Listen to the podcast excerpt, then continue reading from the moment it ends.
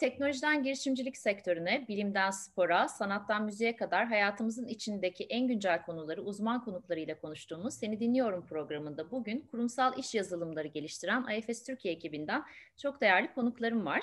İnsan Kaynakları Müdürü Dolunay Sarıoğlu, e, Müşteri İlişkileri Sözleşme Direktörü Fethiye Hasköy ve Pazarlama Müdürü Hilal Piyade Göksu ile bugün bir aradayız. Öncelikle hepiniz hoş geldiniz. Merhabalar. Merhabalar. Hastalıkların, savaşların ve ölümlerin dünyamızı derinden yaraladığı şu günlerde bir nebze de olsa birbirimize umut olmak için aslında bugün bir araya geldik. Öncelikle sizlerin ve tüm kadınlarımızın Kadınlar Günü'nü kutlamak istiyorum. Bu özel günde aslında sizlerle biraz teknolojide kadın gücünü konuşmak istiyorum. Kadınların toplum hayatındaki yeri her zaman tartışma konusu oldu ve aslında 21. yüzyıla kadar ezilen ve sömürülen kadın gücü giderek bu olumsuz statüsünden e, sıyrılmaya başladı. Tabii ki bu gelişmeler, e, teknolojik değişimler, sektörel değişim ve sosyokültürel e, değişikliklerin de burada etkisi çok büyük. E, ama hala TÜİK verilerine göre e, Türkiye'de erkek istihdam oranı 67.5 iken kadınlarda bu oran hala yüzde 29, e, bilişim sektöründe ise hala yüzde 20'lere kadar düşüyor. O yüzden size aslında şu soruyu sormak istiyorum. Teknoloji sektöründe bir kadın yönetici olmanın avantajları ve dezavantajlarını biraz bizimle paylaşabilir misiniz? Aslında kariyerime teknolojiyle başladım. Teknoloji sektöründe e, pazarlamayla başladığım kariyerime e, IFS Türkiye'de pazarlama müdürü olarak devam ediyorum. Yani şöyle söyleyeyim, maalesef teknoloji sektöründe çok fazla kadın yer almıyor dürüst olmak gerekirse. Bizler gene hani İK olsun, müşteri ilişkileri olsun ya da pazarlama olsun kadının bir tık daha fazla istihdam edildiği departmanlarda çalıştığımız için bunu daha az hissediyoruz dürüst olmak gerekirse. Ee, ama hani benim söyleyeceğim şu ki e, teknoloji sektöründe kadınlar genel olarak daha az yer alıyor. Ee, bizim departmanlarımız dışında hele çok çok çok daha az yer alıyor. Hani bunlar son zamanlarda en azından e, yakın gelecekte ve Türkiye'de biraz biraz değişmeye başladı diye düşünüyorum ama Fethiye'nin de ekleyecekleri vardır diye tahmin ediyorum. Var mutlaka. Ee, şimdi evet avantajlı departmanlardayız ama ben 17 senedir sektördeyim. IFS Türkiye'de çalışıyorum farklı farklı pozisyonlarda çalışma fırsatı da buldum. Ee, burada işin mutfağında da yer aldım, danışmanlık kısmında da yer aldım, ee, destek ekiplerinde de yer aldım, proje yöneticiliği de yaptım vesaire. Ee, şimdi bizim sektörümüz böyle ne kadar zihin e, odaklı gözükse de yani zihin gücünü kullanıyor gibi gözüksek de aslında ciddi bir fiziksel efor da var. Şimdi dezavantaj olarak aslında işin bu boyutu da var. Yani e, seyahat yoğun bir sektördeyiz. E, aynı şekilde esnek çalışma saatlerinin tam ortasında yer alıyoruz aslında. Yani müşterinin sorunu varsa gece de çalışırsınız. İşte canlı geçişleriniz varsa e, sabahlarsınız ve bunlar e, rutin olarak hayatınızın bir parçasıdır. E, dolayısıyla da bence asıl sebep yani kadının bu sektörde eskisine göre şimdi bir tık daha önde olmasını sağlayan şey e, bu fiziksel koşullara artık alıştık sanıyorum yani. O dönem için işte ailelerimizde ne yapıyorsun diyorlardı, neden bu iştesin, gecen belli değil, gündüzün belli değil. Yönlendirmelerde sıkıntılar yaşıyorduk. Bunların avanta- dezavantajları vardı ama bence şu anda daha avantajlı ve çağın gerektiği şekilde e, mühendislik ve yazılım vesaire okuma okuyan kız öğrenci sayısı daha fazla. Onlar daha şanslı Doğru. geliyorlar diye düşünüyorum. Bir de ben şöyle, şöyle bir ekleme yapayım Selin'cim. Ee, eskisi gibi artık normlar yok. İşte kadın evden sorumludur, kadın evlenmek zorundadır, kadın çocuk doğurmak zorundadır. Sanki e, en azından bu Z jenerasyonu ile birlikte bu normlar da yıkıldı. Bence biraz da onun da etkisi vardır. Kadın istihdamının hem teknolojide hem de diğer sektörlerde artmasının. Kesinlikle. Bir de bence e, kadınların şöyle bir avantajı var. Biz birden fazla şapkamızla aynı anda hepsini yönetebiliyoruz ve hepsini iyi şekilde yapabiliyoruz bence. Hani e, bu stratejik yönetim şekli bence liderlik yapısı da değiştiği için yeni düzende 21. yüzyılla birlikte bence o yüzden biz lider kadınları e, önümüzdeki dönemde de daha fazla göreceğimize ben evet. şahsen inanıyorum. Dolunay senin bir eklemen var mıdır bu soruya? Ben birazcık sessiz kalan taraftaydım. Çünkü benim aslında teknolojiyle hani haşır neşir olduğum dönem şu son 6 ayı kapsıyor. IFS'de e, deneyimim 6 aylık bir deneyim.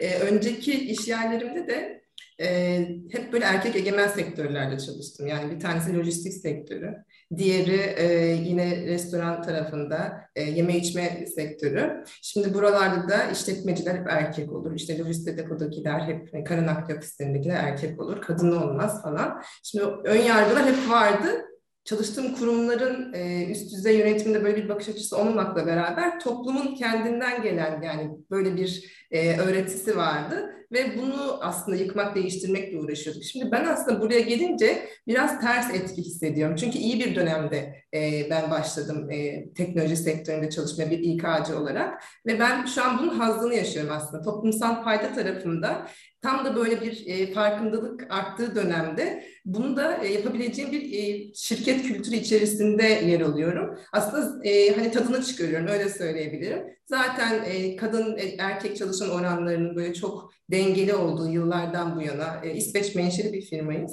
E, dolayısıyla yani oralarda bu konular aslında kadın erkek tarafında epeyce aşılmış. Biz biraz daha diğer ayrımcılık konuları üzerine de odaklandığımız bir dönemdeyiz.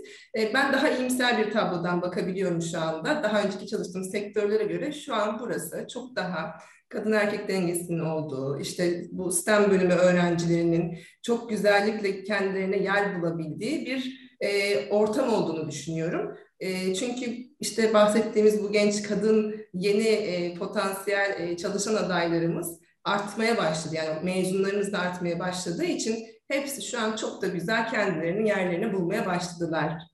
Peki kurumlar özelinde yani bütün kurumlara ve sektöre baktığımızda bilişim sektöründe daha fazla kadın yöneticinin söz sahibi olması için sizce ne gibi aksiyonlar alınmalı?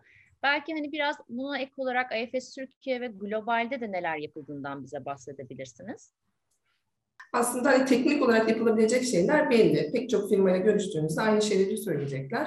İşe alım süreçlerinde, terfi atama süreçlerinde hep bu aday sayısında bir denge gözetmek. Yani işte üç aday varsa en az bir kadın olması. Yani mutlaka orada bir e, temsili olarak e, yine benzer nitelikte tabii sadece olsun diye değil. Yani bunu da içten yapmak önemli. E, bu oranları takip etmek, KPI'ler bazında bakmak, işte toplam çalışan sayısındaki oranı bakarken bir yandan da hem yönetici tarafındaki oranları hep takip etmek ve bunların kaçı içeriden yükseltilmiş kişiler diye o oranlara bakmak. Yani İK işi de aslında bayağı bir matematik işi.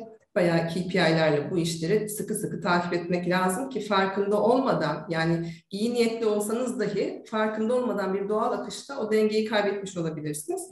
E, buralar e, bu şekilde yönetilebilir. Zaten genelde böyle yapılıyor şu anda. IFS'de yani bakış açısı devam ediyoruz biz. Pratikte neler oldu geçmişten bugüne yine arkadaşlarım güzel anlatacaktır. Ben burada biraz e, söz alayım. Mesela biraz önce TÜİK oranlarından bahsettiniz. Yüzde 27 sektörde kadın istihdam oranı var. Kadın yönetici oranına baktığımızda yanlış hatırlamıyorsam o yüzde 13 civarında. Yine TÜİK datalarına göre. Yani çok ciddi bir sıkıntı var. Ee, burada bence sorumluluk biraz bize de düşüyor. Yani bizlerin de e, elimizi taşın altına koymamız gerekiyor. Bu konudaki farkındalığı, e, kadınların zihinsel düşünme, sorun çözme anlamında erkeklere göre daha avantajlı olduğu konuları biraz öne çıkarmak ve bununla ilgili e, birazcık lobi yapmamız gerekiyor diye düşünüyorum. Yeni kadın arkadaşlarımızın elinden tutup onları maksimum derecede destekleyebilmemiz gerekiyor. Bu günümüz adıyla mentörlük, e, eski adıyla e, böyle bir dirsek atalım birbirimize dayanışmanın önemine inanıyorum ve ya sorumluluğun açıkçası biraz da bizlerde olduğunu düşünüyorum. Yani biraz mücadele etmek gerekecek. Ya ben de şöyle bir ekleme yapabilirim. Hani aslında kadın erkekten bağımsız olarak bir pozisyon açıldığı zaman bizlerin ekibinde de e, ya da üst yönetimde de e, aynı Dolunay'ın söylediği gibi aslında biz eşit davranmaya çalışıyoruz. IFS özelinde söylüyorum bunu. Hani diğer firmalarda nasıldır tabii ki de bilemem ama hani hem kadın ve hem erkekle görüşmeye çalışıyoruz ve tamamıyla hani ön yargılardan bağımsız ve arınmış bir şekilde karar vermeye çalışıyoruz. Cinsiyetten bağımsız o kişinin yeteneklerine ve yeterliliklerine göre hani ilerlemeye çalışıyoruz. Kendi ekiplerimiz üzerinde en azından böyle yapıyoruz. Onun dışında genel olarak e, hani kadınlara söyleyebileceğim şey bence engel kendimiziz. Biz koyuyoruz o engeli kendimize. Biz inanıyoruz daha iyi yerlerde olamayacağımıza ve bir bariyer olduğuna. Önce hani kendimize inanıp böyle bir engelin olmadığını düşünmemiz gerekiyor ki bir şeyleri başarabilelim. Ben öyle düşünüyorum en azından kişisel fikir olarak. E, bir ekleme yapabilirim yine senin. Ee, başka soruya geçiyordun galiba ama hemen e, sonrasında açarız zaten. Şimdi tabii ki e, yine bir podcast'te dinliyordum. E, bu aralar çok gündemde ya bu konular. Şimdi iç referanslı olmak, dış referanslı olmak var. Fethi'nin de bahsettiği gibi aslında birçok şey içeriden güdümlü. Ama dış faktörler de var. E, onlar da bir şekilde tabii set kurabiliyor. Şimdi e, iş yerlerinden her şeyi beklemek bir yere kadar, devletten her şeyi beklemek bir yere kadar, bireysel girişimcilik de önemli. Ama tabii iş yerlerine gelmeden önce o eğitim sürecinde herkes eşit imkanlarla ne yazık ki hayata başlamıyor. Ve özellikle işte bu toplumsal önyargılarda, işte öğretiler, hani alışılmış düzen içerisinde kendi içinde aslında o gücü olan ama bir şekilde e, maddi imkansızlığı içinde olanlar olabiliyor. Şimdi şirketler biraz buraya tabii el atmak durumunda kaldı ya da bireyler diyelim. Biz de yapıyoruz şirket olarak. E, kurumsal sorumluluk projelerinde ee, yine bahsettiğim gibi yani bilişim sektöründe kadınları nasıl arttıracağız? Eğitim tarafında onları da destekleyerek, yüreklendirerek. Ee, bizim Türkiye Eğitim Vakfı ile böyle bir işbirliğimiz var. Oradaki sistem bölümü öğrencilerine e, burs sağlamada destek olmaya çalışıyoruz. Bir de onların çok güzel bir mentorluk programı var. Bu mentorluk programında da yine e, sistem bölümü öğrencilerine yani işte e, e, bilim, teknoloji, mühendislik, matematik diye açılımı olan bu okullardaki öğrencilerimize e, onların istediği başlıklar altında e, bir güzel mentorluk sistemi var online platform. Bunun içerisinde doğru eşleştirmelerle bizleri bir araya getiriyorlar ve buralarda işte onların o e, dışarıdan duydukları ön yargılarla ilgili cesaretlendirme sistematik olarak doğru e, mentorluk metodolojileriyle destek olabiliyoruz. Yani pek çok e, kişiye de bunu tavsiye ederim kurum ve birey olarak. Daha yani şirket öncesinden de başlıyor tabii. Çok destek. Yani hepinizin değerlendirmeleri çok kıymetli bir kere. Zaten bugün aslında bu yüzden buradayız. Ee, hani dayanışma, birbirimize destek ve gerçekten bunları kadın olarak bizim değiştirmemiz ve dönüştürmemiz lazım. Bence zaten burada meşaleyi tutan kadınlar olmalı. Ee, ben de daha umutluyum. Ee, ben de bundan sonra e, daha da iyi, daha da sektörlerin daha fazla kadın yönetici göreceğimiz bir döneme geçiş yapacağımızı düşünüyorum. Ee, dilerseniz diğer soruya da geçelim. Pandemiyle birlikte bir çalışma e, yöntemine geçti bütün kurumlar. E, ama hala verimlilik konusu girdiğim birçok toplantıda e, farklı görüşleri savunuyorlar e, farklı kurumlar. Dolayısıyla IFS Türkiye'nin yeni çalışma modelinde e, nasıl bir e, yöntem izlenecek? Bizde aslında pek bir yenilik olmayacak. Çünkü bizim çalışma modelimiz gereği zaten hibrit düzende pandemi öncesinde çalışan bir kurumuz. E, ve çalışanlara yaklaşım bakımından da şimdi bizde mesela daha önceki sektörlerde kıyaslama şansım olduğu için çok fazla katı kurallarla işte şu saatte gireceksin, şu saatte çıkacaksın, şöyle izin kullanabilirsin, böyle izin kullanabilirsin. Böyle bir yaklaşım değil. E, yani işin doğası gereği zaten mobilite gerektiriyor ve dolayısıyla bizim çalışma düzenimiz hibritti. E, ağırlıklı müşteride ya da gerektiğinde evden isterse ofisi kullanabiliyor. Biraz tercihe dayalı bir sistemle ve güven ilişkisine dayalı bir sistemle çalışıyor çalışıyoruz ve buna hala da yazılı çizili bir kurala bağlamayı düşünmüyoruz. Çünkü doğal akışta tabii yani şunlar var takip edilebiliyor. Kim nerede ne zaman ne çalışmış bizim iş planlarımızda var. Ama bu bir İK süreci yönetimi gibi yapılmıyor. O biraz e, iş süreçlerimizdeki verimlilik anlamında takip mekanizmamız var. Ama bu yan haklar e, anlamında e, çalışma düzenimiz bizim geçmişten bugüne bu şekilde. E, hibrite e, şimdi e, uyan uymayan pozisyonlar olabilir. Ee, burada da yine departmanların kendi içerisindeki işleyişlere müdahale etmiyoruz İK olarak. Beraberce bir karar veriyorlar. İstedikleri sayıda e, ofisleri kullanıyorlar hafta içerisinde. E, ama ofiste çok önemsiyoruz, şu anlamda önemsiyoruz. Şimdi e, pandemiyle beraber çok fazla böyle makaleler oldu, bir panik hali. Önce herkes çok alkışladı. Ey evden çalışma da oluyormuş, uzaktan çalışma da oluyormuş. İşte gidelim deniz kıyısından da çalışalım, tatildeyken de çalışalım falan. Sonra Görüldü ki işler öyle değil. Yani deniz kenarında zevkle çalışılmıyor. Yani hem deniz hem o olmuyor.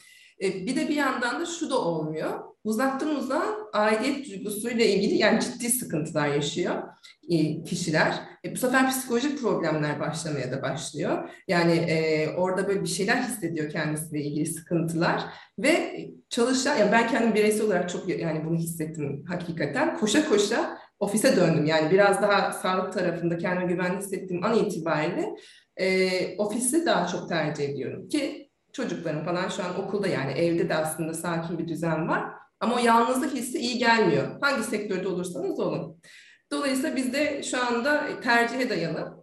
İsteyen evinde, isteyen ofisinde zaten müşteri bağımlı olanlar ağırlıklı müşteri lokasyonunda bu şekilde bir düzenimiz devam ediyor. Zaten bu özgürlüğü vermek iyi olan bence. Evet.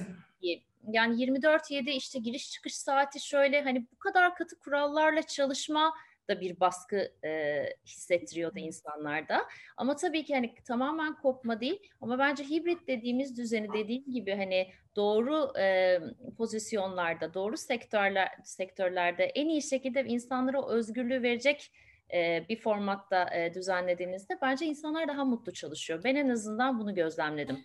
Ee, şöyle bir kısıt olabiliyor diğer sektörlerin. Şimdi direkt hani bu çok kolaymış gibi de bir e, izlenim yaratmak istemiyorum. Şimdi bizim çalışma modelimizin rahatlığı gereği biz zaten fiziksel olarak çok geniş bir alan tutmak zorunda değiliz. Yani herkes aynı anda ofise gelecek bir dünyamız da yok. Çünkü dediğim gibi işin doğası gereği müşteri ama bazı sektörler bunu kurala bağlamak zorunda kalıyor. Çünkü olur da herkes aynı anda gelirse benim fiziki olarak koşullarım uygun mu? O zaman bunu daha biraz e, program çerçevesinde yapayım. Kurallar koyayım ki o fiziki şartları doğru yöneteyim diye bir mecburiyete giriyorlar. Yani orada da hak veriyorum. E, ama bizim dünyamızda e, en azından işler daha kolay öyle söyleyebilirim. Ben şöyle bir ekleme yapabilirim. Ee, şimdi genel olarak hani IFS özelinde söylüyorum bunu tabii ki. Biz şey yapıyoruz yani o şirket bağlılığını tutmak adına belirli periyotlarla e, etkinlikler yapıyoruz. Gerek dijital, internal etkinliklerden bahsediyorum bu arada. Ya da işte ne bileyim senelik bir Antalya şeyimiz var, seyahatimiz var. Bütün ekipçe kalkıp gidiyoruz iş ortaklarımızla beraber. Ya zaten aslında bizde herkes birbirini tanıyor. Genel olarak hani öyle bir problemimiz yok. Bir de şöyle bir sistem gelişti yeni. Ben kendi adıma söylüyorum. Mesela şu an arkadaşlar ofisten bağlanıyorlar. Ben evden bağlanıyorum. Öğleden sonra Fethiye ile bir işimiz var. Ben öğleden sonra ofise gideceğim. Ya yani şey bir düzen yok. Aa 9'da herkes geliyor, altta çıkıyor yok. Çünkü şöyle de bir şey olabiliyor çünkü. iş doğası hani hiçbir şekilde durmadığı için bazen 9'da da bilgisayarımızın başına oturabiliyoruz akşam 9'da. Ya da sabah 8.30'da da bir şey yapmamız gerekiyor. O yüzden de net bir kısıtlamamız yok. Biz zaten ekip olarak olarak sinerji ve uyum içinde çalışan ekipleriz. Yani en azından satış pazarlamada öyle. Hani herkes birbirine karşı çok özel. Mesela pazartesi günü tamamıyla spontan bir şekilde bütün satış ve pazarlama ofisteydik. Yani hiç birbirimizden haberdar değildik. Toplantımız vardı dijital ortamda. Hadi ofise gidelim gibi olduk. Baktık hepimiz ofisteyiz. Toplantı odasından gerçekleşti gibi. Yani biraz natural ama aynı zamanda belirli bir çerçeve içinde ilerliyor diyebilirim. Ben bilmiyorum Fethiye bir şey eklemek istiyor mu? Yani e, genel olarak ben konunun zor olduğunu düşünüyorum. E, o konuda da şanslı olduğumuzu düşünüyorum. E, onu söyleyebilirim. E, zaman içerisinde bizim de bakış açılarımız değişiyor. Evet Hilal'e katılıyorum. E, biz birbirimizi daha tanıyan bir ekibiz. Ama yine de mesela ben eskisi kadar tanımadığımızı düşünüyorum. Öyle bir sıkıntı var. Arkadaşları hani o kadar görememenin ya da işin içerisinde o kadar olamamanın ya da müşteri açısından bakayım. Ee, nihayetinde benim kendi işim müşterilerle yani müşteri ziyaretleri yoğun olmak zorunda falan olmuyor. Yani o dünya değişti. Şimdi e, belki 15 senedir beraber çalıştığım müşterilerimi sadece Zoom ekranında görüyorum. İyi niyetler içerisinde kalıyoruz. En yakın zamanda bir araya gelelim, görüşelim. Ee, ama çok öyle olamıyor. ben biraz onun eksikliğini yaşıyorum ama zaman içerisinde herhalde her şey bir düzene girer. Kesinlikle. Ee, peki, IFS Türkiye'de kadınlara yönelik e, herhangi bir çalışma var mı? Biraz hani Dolunay bahsetti e, özellikle TEV'le yapılan işbirliğinden ama belki biraz daha detaylı bahsetmek isteyebilirsiniz. Şöyle bir iki nokta daha var. Yine benim unuttuğum şey olursa arkadaşlarım ekleme yaparlar. Ee, şimdi ben burada göreve başladığımda bu oranlarımızı çıkardığımda rakam da zikredeyim. İşte yüzde 44 oranındaydı e, kadın er, e, erkek dengesi. Dolayısıyla hani öncelikli hareket alanı bizde işte iş alım tarafına bakalım, orada aksiyonlar alalım gibi değil. Daha nitelikli, toplumsal fayda yönelik neler yapabiliriz kısmında devam ediyoruz. Ee, bu bahsetmiş olduğum mentorlukla ilgili e, şirket içerisinde yayılımına devam edeceğiz. Yani kendi kadın çalışanlarımız illa da yönetici olmasına gerek yok. işte bu yeni başlamış, yeni mezun danışman e, arkadaşlarımız da e, yine kendi yaşıtlarına e, çok güzel mentorluklar yapabilirler, e, deneyimlerini paylaşabilirler. Onları bir e, işte call to action deniyor ya yani e, bir yüreklendirmek istiyoruz harekete geçmeleri adına. E, yani şöyle küçük bir parantez açayım. Dün mesela kendi çocuğumla ilgili e, ki erkek olan iki çocuğum var. Oğlumla ilgili bir görüş alıyoruz, danışmanlık alıyoruz. Şimdi aşırı hassas, jenerasyonlar da farklı. Şimdi çok daha duyarlı e, bir e, jenerasyon yetişiyor ve e, o duyarlılıklarını çok e, yani birden depresyona doğru yani nasıl diyeyim olumsuza e, eğilimlerini arttırabiliyor bu duyarlılıkları. Oysa ki çok ciddi bir potansiyelleri var. Bunu somutlaştıracak bir e, mental e, strateji yani kendilerini bunu nasıl pozitife çevirebilirimle ilgili bir yol göstermeye ihtiyaçları var. Ondan sonrasında zaten onlar üretecek. Yani onu nasıl pozitife çevirebileceklerini bu hassasiyetin işte olumsuza eğilim değil de faydalı bir şeyler üretmekte kullanılabileceklerinin farkına varacaklar. Şimdi burada birazcık cesaret, cesaretlendirmek istiyoruz çalışanlarımızı. Ee, yine IFS Global'de de tabii bizim için e, IFS Akademi'de güzel farkındalık eğitimleri var. Orada bias üzerine de e, eğitimler var. Bunların yayılımlarına devam ediyor olacağız. E, Mesela yine hani her yerden bir şekilde temas noktaları var. Biz e, kurumsal e, işte basketbol ligi var, e, CBL. Burada bu sene bir başlangıç yaptık ve kadın erkek ortak bir takım kurduk. E, gönüllü olan herkese kapımız açık ve işte kadın oyuncumuz da en az erkek oyuncular kadar e, orada dakika alıyor. En son maçta zaten e, işte 20 dakika şey almıştı, görev almıştı. Orada yan yana olmaları da çok tatlı yani e, yine çok güzel bir paylaşım. E, şimdi bakıyorum neler e, ekleyebileceğimiz var? Ha şeyi unutmayalım.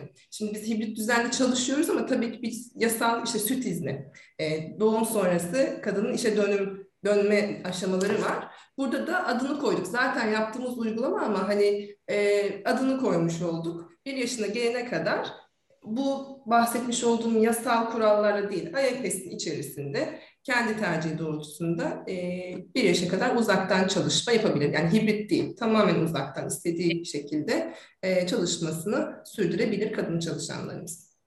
Peki e, kariyerin e, mentorluktan bahsettik. Hani zaten IFS hani, e, çok güzel çalışmalara imza atıyor kadınlara destek konusunda hem global tarafta hem de Türkiye tarafında. E, peki sizin e, kariyerin başındaki kadınlara ne gibi tavsiyelerde e, bulunmayı istersiniz? Çünkü gerçekten kadınların o kadar ihtiyacı var ki yani aslında kadın erkek bütün gençlerin ve çocukların yani ben de belli derneklerde mentorluk yapıyorum. O kadar ihtiyaçları var ki çok güzel bölümler okumuşlar, inanılmaz zekiler, çok akıllı çocuklar, mühendislik fakültesinden mezun. Ama ne yapacağı konusunda hiçbir fikri yok. Yani yol göstereni yok. Yani ailesinde de demek ki hani yol gösteren kimse olmamış. Yani çok ihtiyacı olan çocuk var. Çünkü dediğin gibi hani bazı çocuklar şanslı, bazıları değil. Dolayısıyla bizlerin de bence kadın olarak görevleri bu çocukları daha fazla e, destek olmak ve onlara yol göstermek. Çünkü gerçekten o yolu gösterdiğin zaman zaten onlar istedikleri başarıya ve o stratejiyi kendileri kuracaklar yollarında. O yüzden çok kıymetli söylediklerin. Çok teşekkür ederim. Peki tavsiyelerinizi alayım o zaman yeni başlayan gençlerimize, özellikle kadın yöneticilere bilişim sektöründe e, aktif ve başarılı olabilmeleri için. Ben başlayayım o zaman. Buyurun. Şimdi şeyden bahsetmiştik sonuçta sektördeki e, erkek egemen durumdan ama şimdi biz de belki o erkek egemenliğe adapte olabilmek için biraz e, kadınlık yönümüzü geri plana atıp daha fazla e, erkek rolü üstleniyoruz. E, erkek gibi düşünmeye çalışıp onların dünyasına adapte olmaya çalışıyoruz. En azından ben kendi açımdan bazen bunu hissediyorum. E, ya öncelikle kadın içgüdülerini kullanmalarını çok tavsiye ederim. Yani bence en hassas nokta o, farkındalık yaratacak şey o. Yani düşünce yapısı olarak kendileri gibi olsalar bile bence çok büyük bir e, adım atmış oluruz ve o şekilde iş tecrübesi edindiğimizde çalıştığımız şirketlere de daha fazla katma değerimiz olur. Bence en önemli şey kendin olabilmek. Yani bazı e, kalıplara girmeden kendileri gibi davranmalarını tavsiye ederim. Doğru. Ben şöyle bir ekleme yapabilirim. Bence kadınların yani en azından çoğu kadının en güzel özelliklerinden bir tanesi çok yönlü düşünebilme. Yani aynı anda birden fazla işi yapabilme kabiliyetine sahip olabilme.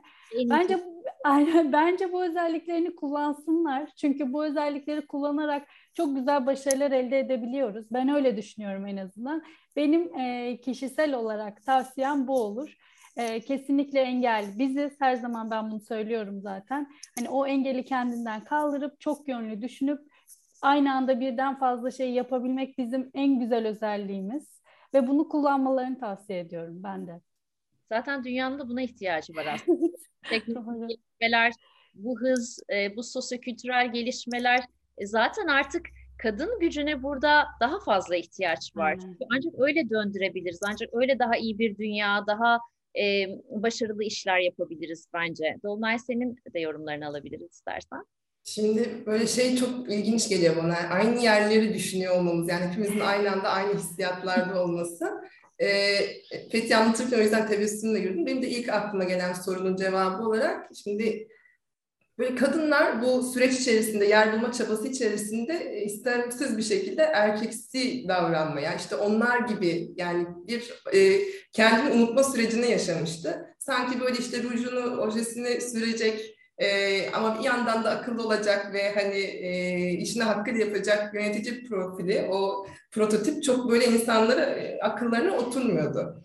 Şimdi e, erkek kadın fark etmeksizin e, aslında bu mana arama kısmı önemli. Yani ulvi bir sebebi olmalı kişinin hayatta, mesleğinde, işte ebeveynlik içerisindeyken o manayı aslında öncelikle bulmalarını tavsiye ederim. Bu da bu arada yıllar içerisinde değişebilir. Yani tek bir amaca tutunmak da doğru değil. Yıllar içerisinde bunu arada bir gözden geçirmeleri, yani kadın erkek diye olaya bakmamaları, kendini herhangi bir rekabet içerisinde e, yani zorlamamalarını tavsiye edebilirim. E, ve böyle misyonlar edinmesinler. Kadın güçlüdür, işte kadın şöyle olmalıdır. Yani iki türlü. Kadın annedir misyonunu da sahiplenmek zorunda değiliz. Yani ebeveynlik bir ortak karar da olabilir. Ama bunu tercih de edebilir. Yani ben ebeveynlikte sorumluluğu daha fazla almak istiyorum. Biz kendi aramızdaki rol dağılımında ben bu dönemde bunu kabul ediyorum. E, bu da bir seçimdir ve bundan utanç duymasınlar. Yani içinden ne geliyorsa onu yapsın.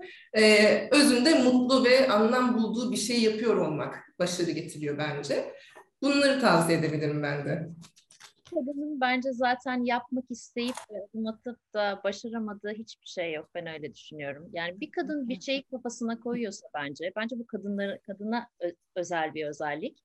E, kafasına bir şey koyuyorsa onu yapamayacak hiçbir kadın yok. Yani Evet bu yılmazlık konusunda kadınlar erkeklere göre daha avantajlı. Yani kafasına koyduğunda evet o dirayeti daha çok gösterebiliyor, odaklanabiliyor.